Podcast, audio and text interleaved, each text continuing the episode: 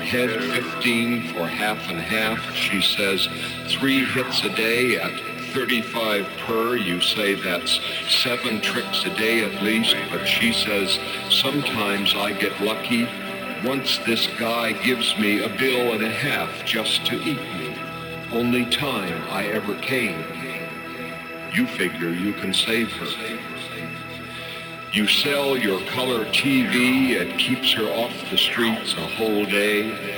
You hawk your typewriter for one jolt, then your shotgun, your watch. A week later you say, listen, I'm a little short, but she says, no scratch, no snatch. You say, look, it is better to give, but she says, beat off.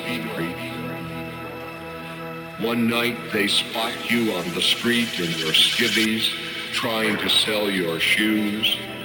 You tell them who you are, but they nail you.